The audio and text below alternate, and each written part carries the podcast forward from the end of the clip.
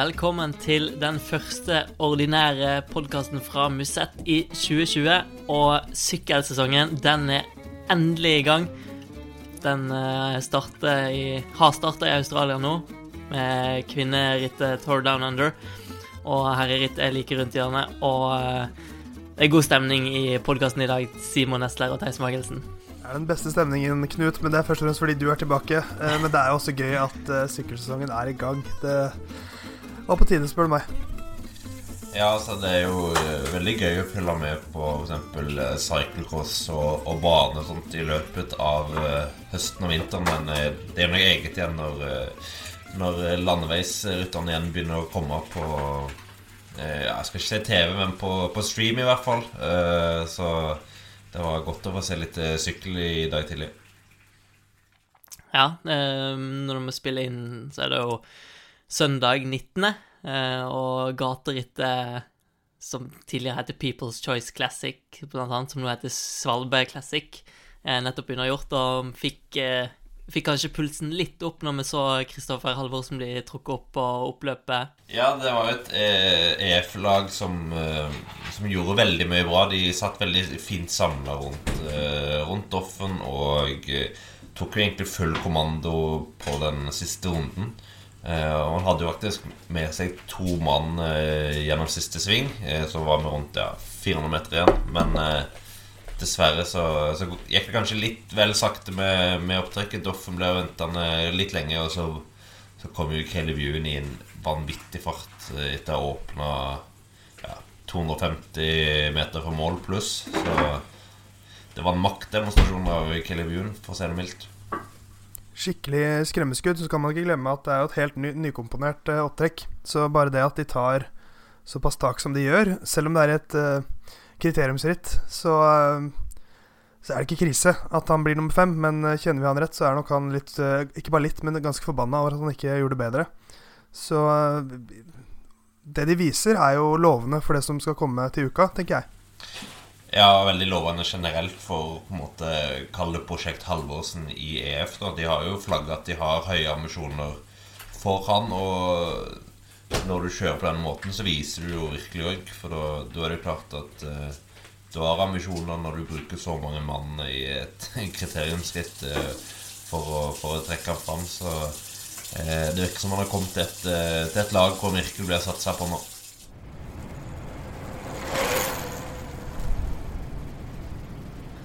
Og så, eh, like før eh, herrene sykla gaterittet sitt, så avslutta jo eh, kvinna sitt eh, Tour Down Under, eh, som gikk over fire etapper. Så vi kan ta og, og gå litt gjennom hva som skjedde der. Eh, Starta jo veldig bra for eh, hjemmenasjonen, da, så er det sånn på første etappen. Ja, det var en, eh, en massespurt, eh, og det var vel ja, Chloé Hosking ganske suveren, egentlig. Eh, vant med god margin ned til Lotta Hentala, altså tidligere Lotta Leppestad. Hun gifta seg nå i offseason.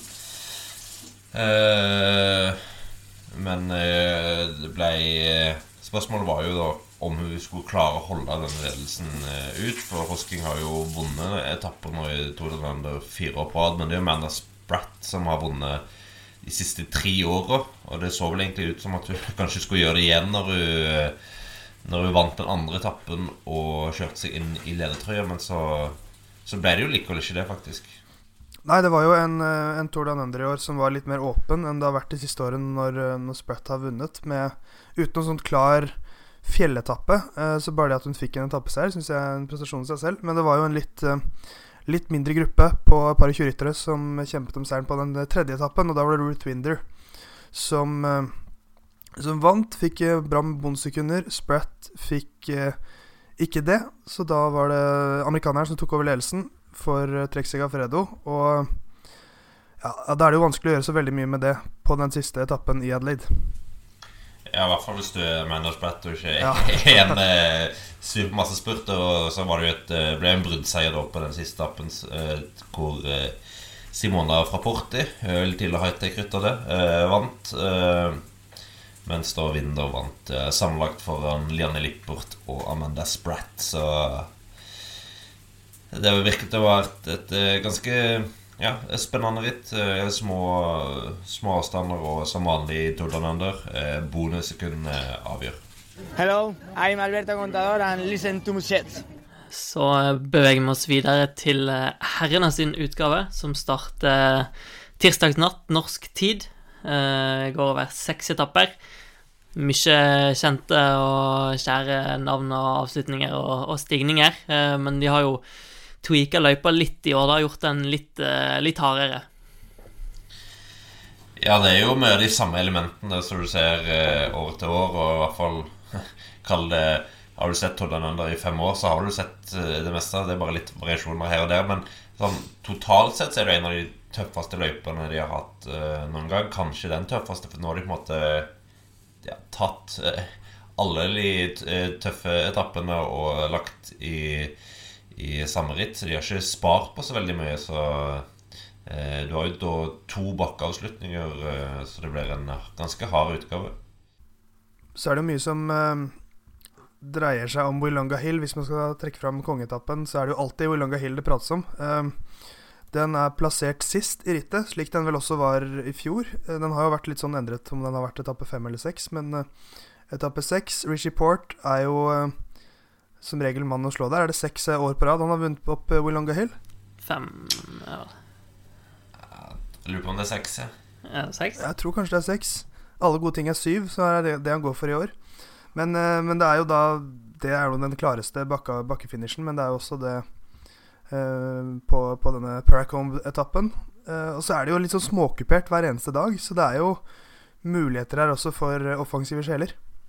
Ja, absolutt. Eh, denne Paracomb-etappen har du jo òg kjørt Eller avslutningen har du kjørt to ganger tidligere. Uh, Richie Port vant jo òg her uh, ja, første gangen den ble kjørt i uh, 2015 og sånt. Det er Ron Dennis i 2017, og det er jo en bakke da på litt over en kilometer på litt over 9 i snitt, så en tøff avslutning, da, åpenbart. og hvor det gjerne ikke er like lett å bare kalle følge et hjul som i som det kan være eh, opp fra flere av de andre bakkene de møter. Så det er jo Klarer en klatrer å få en skikkelig luke der, så, så, kan det bli veldig vanskelig for, for, de andre å hente det inn. Eh, men ja, det, er nok, det, er nok, spenning før Willonger Hill siste dag. Det, det, det, blir jo, jo ganske små sekunder inn, inn mot den siste etappen uansett. Ja, for Vi ser jo at, at, det veldig ofte er bondsekunder, som du sa hos kvinnesritt også. Det er jo det er ofte det. Daryl Impey har vunnet to år på rad, mye pga. bondsekunder. Uh, Richie Port, da, som har herjet i uh, motbakken, men uh, fire andreplasser og én seier på de siste fem årene, så han kommer nok til å være i toppen i år òg. Men så er spørsmålet om det er om han klarer å kvitte seg med disse bonuskongene. Jeg må jo si jeg er jo veldig usikker på Klarer Richie Port å vinne opp William Cahill igjen. Eh, Årets det, første brannfakkel. ja, men det er jo en mann som du ja, kanskje ser at det er litt sånn over the top uh, karrieremessig. Uh, fremdeles en veldig, veldig god rytter, men uh, du, du, føler at du har sett han bedre. Uh, men han pleier jo å være utilnærmelig i Vulunga Hill. Det er en bakke han elsker på mange måter. Men jeg blir ikke overraska om, om han blir slått i år. Nei, altså Når du sier eh, litt over toppen, så er det litt gøy å se proffseierne hans. Siden 2016 så er vel fem eller seks av de ni han har, i Tour Down Under. Så det har på en måte Han har tendens til å begynne veldig bra, men det er kanskje litt fordi at nivået i Tour Down Under er jo ikke Folk er ikke i toppform der ofte. Nei, altså, det er jo litt hva han har gjort det til sjøl, da. Og litt der han har blitt kritisert for at han kommer inn i altfor god form tidlig, og at det påvirker sesongen hans. Men uh, det er jo fordi det betyr masse for han å, å vinne der, da. Men uh, da, da stemte at det var seks ganger han har vunnet, ja, i tillegg til å ha vunnet Paracom-etappen i 2017 òg. Så vi får se om alle, om alle gode ting blir, blir syv, da.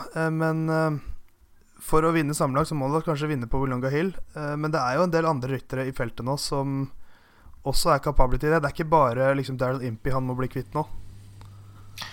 Nei, det er jo det er en del ganske gode klatrere med her, da, faktisk. Du har både Simon Yates og Roman Bardet. Eh, og spesielt Bardet er du jo veldig usikker på hvor står etter at han eh, tok seg en pause etter, etter Tour de France. Han har vært i Australia nå i lang tid. Kom før nyttår, tror jeg. Så uh, han er i hvert fall uh, akklimatisert.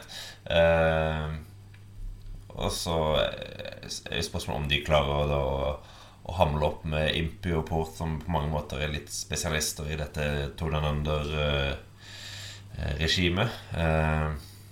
Så har du andre rutter som Ron Dennis. Er han kapabel til å gjøre noe her? Eller er det type Sivakov som er inni oss en mann? Også Jay McCarthy har jo for vane å gjøre det veldig bra i Tour Down Under. Eh, Diego Lussi er en annen mann som eh, skal bli spennende. Så det Jeg syns det er ganske åpent felt med tanke på at Port er litt svakere enn han har vært tidligere, og at løypa er såpass tøff at det skal bli vanskelig for Impi. Så jeg tror det er en veldig spennende utgave. Ja, veldig, Litt som du var innom tidligere, Simon. Det er veldig avhengig av hva slags form eh, rytterne kommer inn i. Eh, også ryttere som liksom George Bennett, Ben Hermans, Louis Leon Sanchez kanskje også til og med, Antoine Tollock. Det er liksom Hvis en av de bare har en kjempedag opp Wollonga Willanga Hill, eller er, har begynt sesongen flying, så fort, kan vi fort få en uh, litt overraskende vinner. Eller, eller, kanskje en overraskende utfordrer da på Port. For jeg, jeg, jeg, vil tro at Port kommer til å være oppe der. Selv om han uh, er litt en fading force, så er det som, som sagt Det her betyr veldig mye for han, det her. Altså, med tanke på det nivået han hadde innebæret i fjor, og at startfeltet ikke er sånn helt sjukt. Og hvis han legger sjela si i det, så bør det jo være overkommelig å, å, vinne, da. Men det som er morsomt, er jo at det er tidlig på sesongen, og ikke så mange store navn, og ikke så mange som er i god form ennå. Så det blir veldig åpent, har jeg stor tro på i år. Men uh, Impi er jo Jeg vil påstå han kanskje er den største favoritten for han, og jeg er jo veldig gira på å vinne igjen. Ja, det blir, eh, da vil det bli tredje år på rad. Så det, det hadde vært en, en, veldig stor bragd for en, en, rytter som Impi. Vi har jo skrytt mye av han før. Men det er spennende å se da om uh, Hvis de kommer til Wolonga Hill-etappen med Impy kanskje best i sammendraget, men Simon Yates er ikke så veldig langt bak, kanskje. Um, så er spørsmålet hva, hvordan skal de disponere det da? Det spørs jo veldig om det er fem sekunder eller om det er 15 sekunder, men uh Yates har i hvert fall indikert at han uh, er klar for for å hjelpe, hjelpe, til hvis det, hvis det, er nødvendig, og, og eventuelt å gå for enesjanser hvis de byr seg. Så jeg tror nok Impy er pri én. Eh, og så er det forhåpentligvis et sånn eh, ja, midt i et skjæringspunkt hvor eh, Yates må ta en vurdering opp i Vulunga Hill. Skal han gå etter Port, eller skal han, eh, skal han vente? Og så blir det en klokka som tikker ned til Impi kommer over målstreken når det er 0-0 igjen på, på tida. Det, det, er jo kanskje det, det, det en håper skjer. Ja, det, det har jo ikke vært Sånn som i fjor, da var det jo Da vant jo Port, men eh, det, han fikk jo samme tid som Wat Pools og Darren Limpy, som da ble nummer tre. Så da, ble, da var det jo nesten ingen avstander. Mens uh, året før så ble Impi nummer to. Da var det åtte sekunder mellom Port og Impi. I 2017 eh, så vant jo Port med 20 sekunder eh, foran Nathan Haas. Eh, så hvis han klarer noe sånt i år, da kan det fort være en etappe hvor, eh, hvor ledelsen endrer hender. Og det var jo der han, eh, det året han også vant uh, Vant rittet sammenlagt. Så det er litt sånn Ja, han har vunnet der, men, men det er ikke alltid han har vært så suveren. Så det er litt avhengig av hvilken utgave av Port og Impy vi får se. For Impy har jo vist at han kan følge Port opp Willonga Gahill og nesten ikke tape tid. Ja, altså, da som er litt interessant der, er jo hvordan vindforholdene som spiller jo en, en rolle på gir ganske stort utslag på, på tidene der. Ja, selvfølgelig. Det pleier ofte å være en del vind i det området, så om det er medvind eller motvind, har, har, jo ganske mye å si for hvordan, hvordan den siste bakken der ble kjørt. Jeg er Carl Fredrik Hagen, syklist på Lotto Sodal, og du hører nå på podkasten Musett. Det som kanskje er aller mest spennende med Tour Down Under, er jo at vi får en uh, liten uh, smakebit på spurterne. Uh, mange gode spurtere med. Fikk en, en liten start i kriteriumsrittet søndag. Og det blir vel en spurtbatalje på første etappe òg, mest sannsynlig. Ja, det blir sannsynligvis det. Sannsynligvis spurt på den første etappen og den fjerde etappen. Og så er det ja, muligheter for spurt på den femte etappen og en ja, motbakkespurt på den andre etappen. Så det er noen muligheter for spurterne, og det er jo et rimelig bra startfelt vi har her. Eh, Caleb Ewan så jo fantastisk bra ut i dette kriteriumsrittet. Eh, og pleier alltid å være relativt god i third and under. Og så har vi jo Eh, to, to, store stjerner som har bytta lag i Elia Viviani, og mannen som da kom inn for å erstatte han i Dickon Quickstep, eh, Sam Bennett. Jeg er veldig spent på å se hvordan, eh, hvordan de to klarer seg utover uka. Bennett tok vel rolig i spurten i dag, men, mens Viviani ble nummer to. Så når det virkelig nå teller på, på tirsdag, så er jeg spent på hvordan, hvordan det går for jeg gleder meg egentlig veldig til å se Bennett spesielt i The Gunner Cookstep, og se på en måte hva han eh, kan få til når han i enda større grad har et lag rundt seg nå.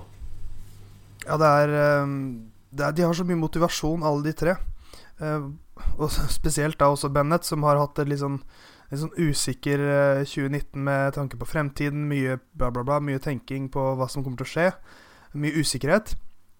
Mens nå, endelig, nå er, vet han endelig hva som skjer. Uh, han er på plass. Han har et fantastisk lag i ryggen som han vet vinner vanvittig mye. Han vet han kommer til å vinne vanvittig mye.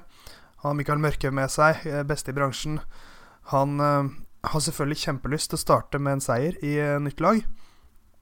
Ella Viviani har jo mange av de samme tankene i uh, Coffeedis. Lyst til å starte med seier. Mens Buen har jo, er jo på hjemmebane og har jo lyst til å vise at som i fjor, han var den beste i fjor, at han er fortsatt er den beste.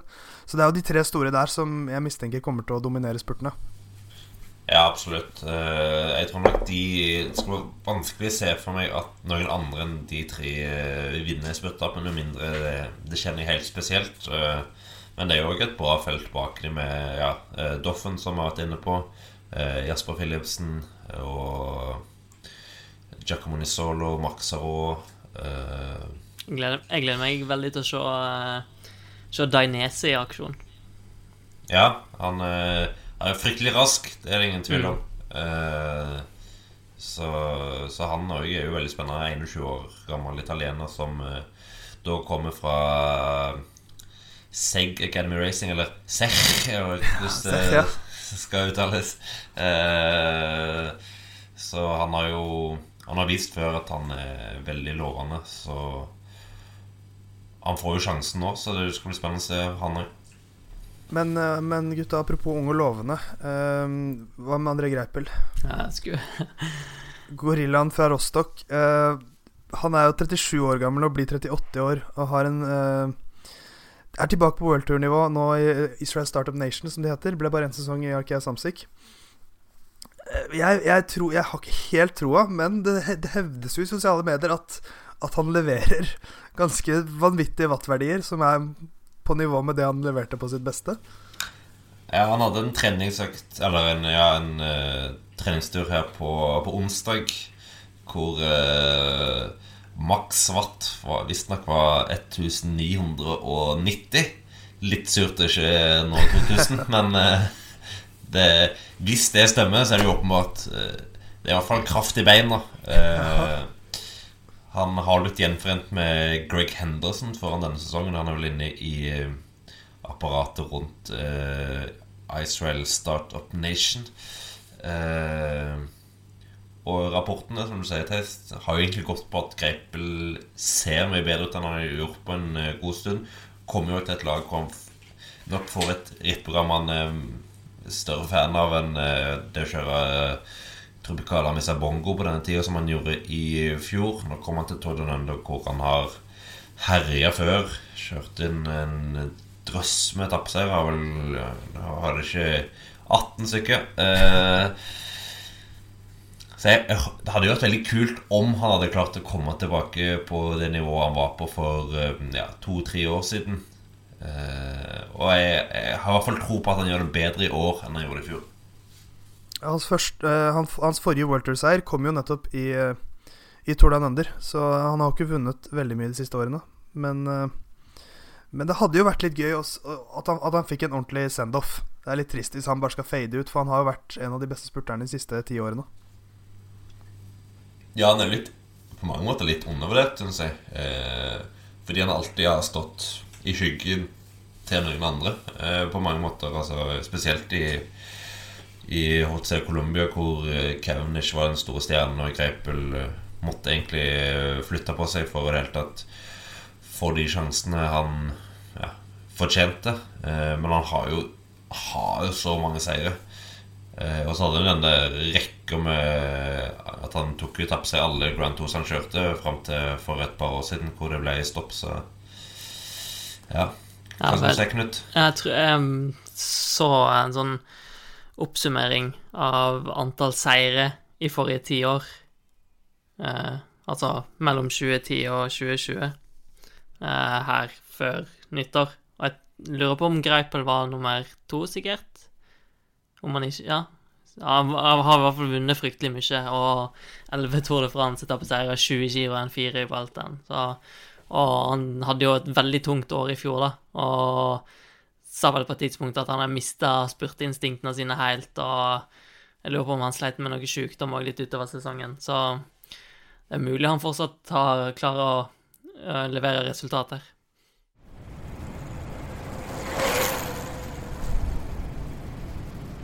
Vi triller videre til øh, den første utgave av den norske sykkeluka i 2020. Eh, og fokuset er fortsatt på Tour Down Under. Eh, vi har nevnt Kristoffer Halvorsen, eh, og i tillegg til han så har vi òg tre andre nordmenn.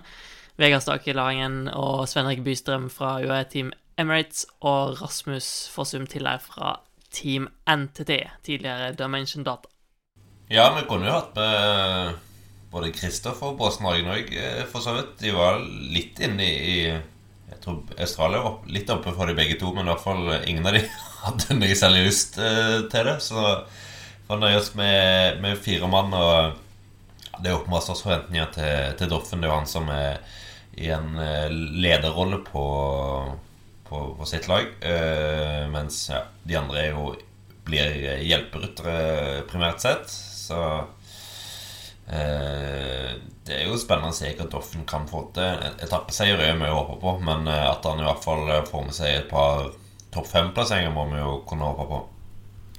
Ja, jeg tror jeg sitter og tenker at hvis han får ett topp tre-resultat, så er det veldig veldig bra i det selskapet her. Um, og det, det, tror jeg også kan skje, for det er jo altså, Når du har Viviani, du har June og Bennett, så må det da skje i minst én av de spurtene at én av dem bommer på et eller annet. For det er, det er alltid noen av de største favorittene som bommer også, så Hvem vet? Det kan jo skje ting.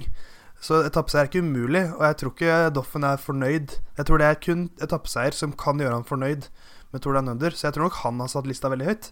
Og det er jo et godt tegn. At han uh, kommer inn i et såpass tøft, tøft uh, spurtfelt med litt sånn, eller ikke bare litt, med kapteinsrolle. Da er det etappeseier som skal være målet. Altså, det er jo starten av sesongen. Uh, folk er ikke helt innkjørt, opptrekket er ikke helt innkjørt.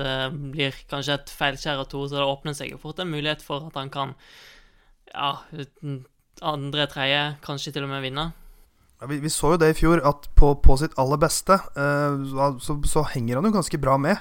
Han Det ble riktignok bare to seire, men han spurtet veldig bra i mye flere ritt enn han gjorde i, i hele, hele, 2018. Så hvis den positive trenden fortsetter, tar han enda et steg. Kanskje han ikke kan vinne i det selskapet her, men han kan være nærmere seier når han spurter mot Bennett og co. enn han var i 2019. Uh, eh, og hvis han får den samme støtten som vi tror han kommer til å få i ganske mange ritt i år, så tror jeg det kommer til å bli mye mer enn to seire. Ja, han øh, hadde vel en øh, Vi hadde vel en sak ute nå med intervju gjort med han øh, i forkant av Tullenunder Under, og han sa vel at målet hans er fem seire, hvorav én eh, World Tour-seier.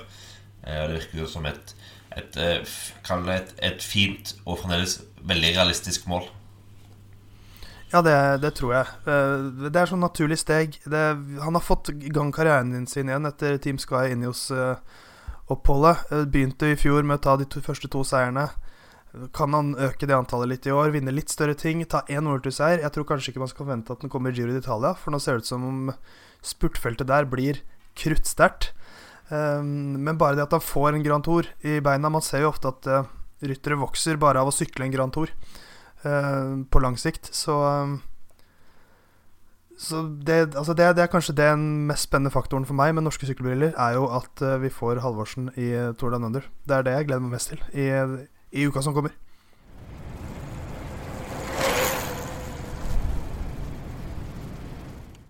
Vi hopper videre til våre neste spalter, og eh, da altså eh, årets første røde lanterne og årets første røde startnummer.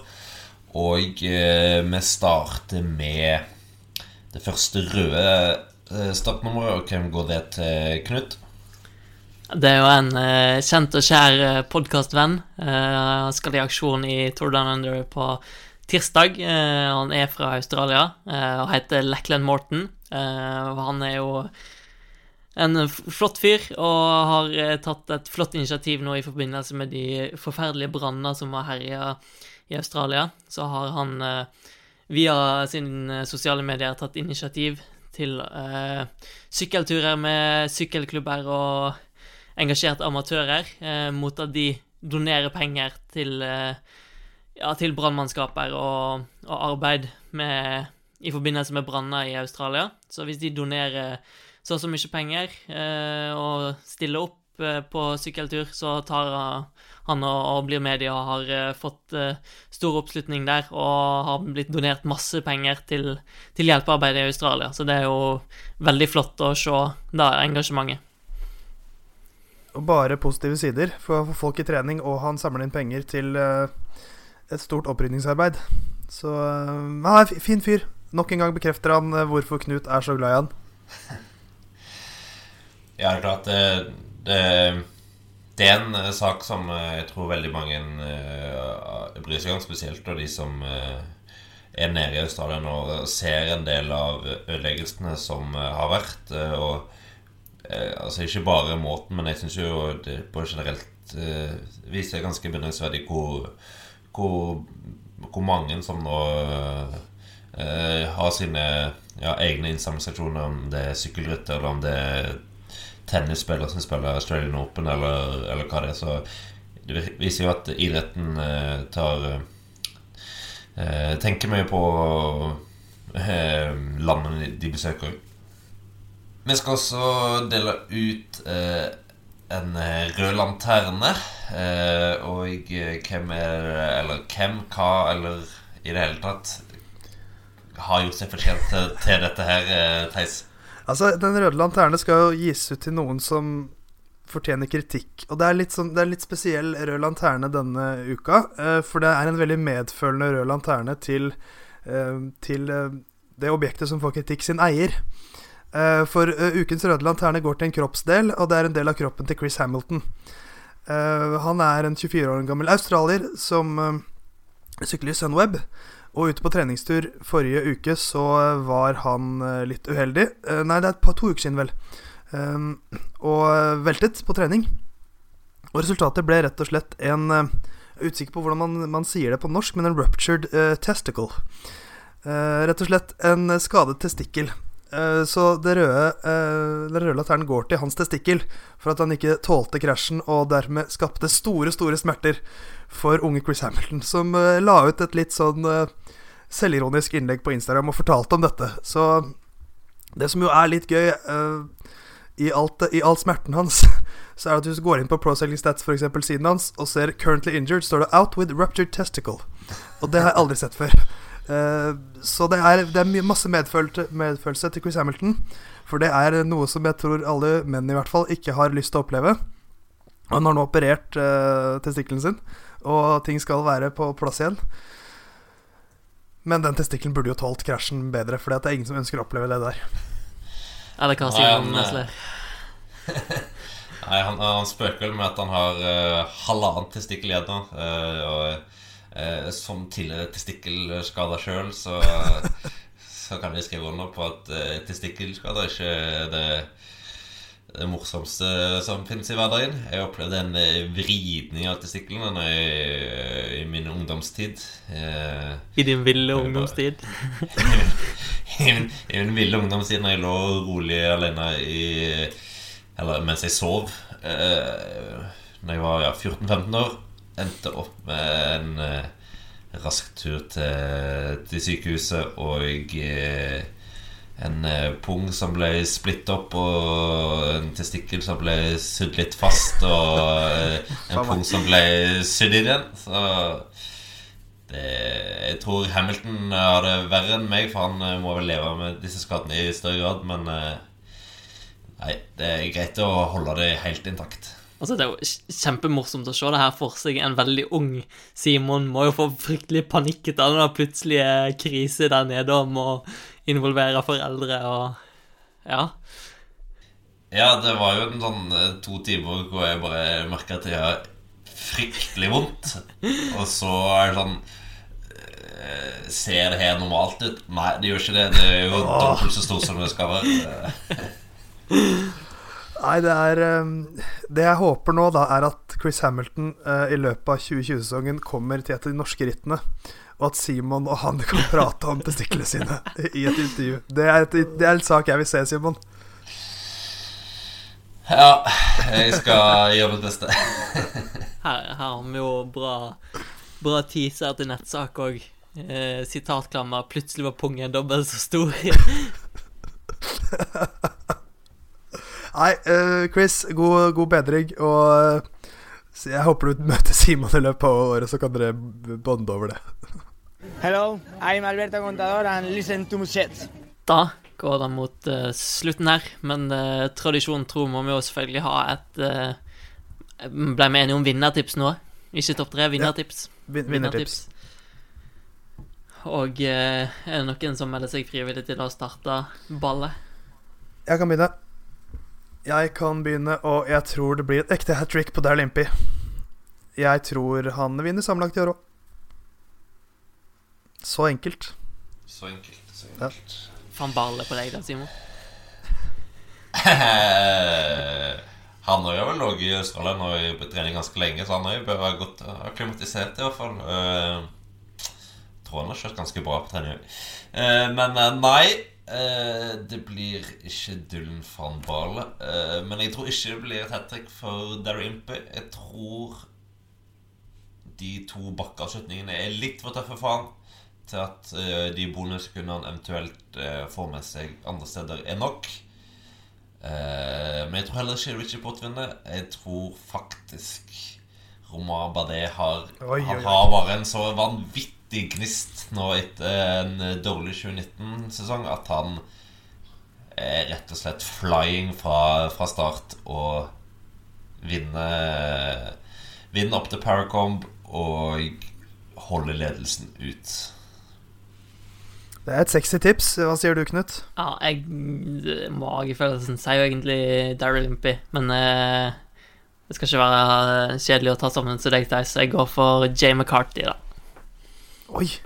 Med barten? Yes. Er frekt. Så da har vi hver, hver sin, i det minste. Det blir sikkert Simon Yates. Men, men. Eller Richard Port. Ja, det blir ikke det, vet du. Han blir nummer to. Eh, da har vel du eh, noen eh, velvalgte ord å eh, avslutte podkasten med Theis Magelsen. Jeg antar er same procedure as last year. Same procedures every year, James. Uh, det er uh, en podkastsamleside uh, som heter iTunes. I hvert fall er det mange podkaster man kan finne der. Eh, og der er det også en eh, sånn måte man kan arrangere podkaster på. Og Knut og Simon og Theis her blir veldig glad hvis du gidder å gjøre det. Så kom deg gjerne inn på iTunes, så kan du abonnere på oss, last oss ned og rangere oss. Gjerne med en liten kommentar også. Så blir det enda morsommere for oss å levere eh, sannsynligvis ukentlige sykkelpodkaster gjennom hele 2020-sesongen også. Så abonner, last ned og ranger. Nei, det heter vel faktisk ikke iTunes lenger? Eller? Det vet jeg ingenting om. Jeg er ikke så inne i Apple-konsernet. For meg Jeg heter tror det iTunes. jeg tror det bare heter Apple Podcast, men det er samme prinsippet. Men folk kan jo abonnere andre steder òg. Spotify er med på, og eh, diverse andre plattformer. Så det er bare til å søke opp. Det skal være mulig å finne uansett hva app eller plattform du er på. Så eh, Simon, har du noen siste ord? Eh, Kom deg tidlig opp om morgenen og se sykkel. Eller ikke i morgen, en natt, da. Eh, ha på ringeklokka på ja, hva var det? fire-fem, og så nyt litt eh, sykkel på morgenen, da. Det er hyggelig. Og pass på testiklene. Pass på testiklene.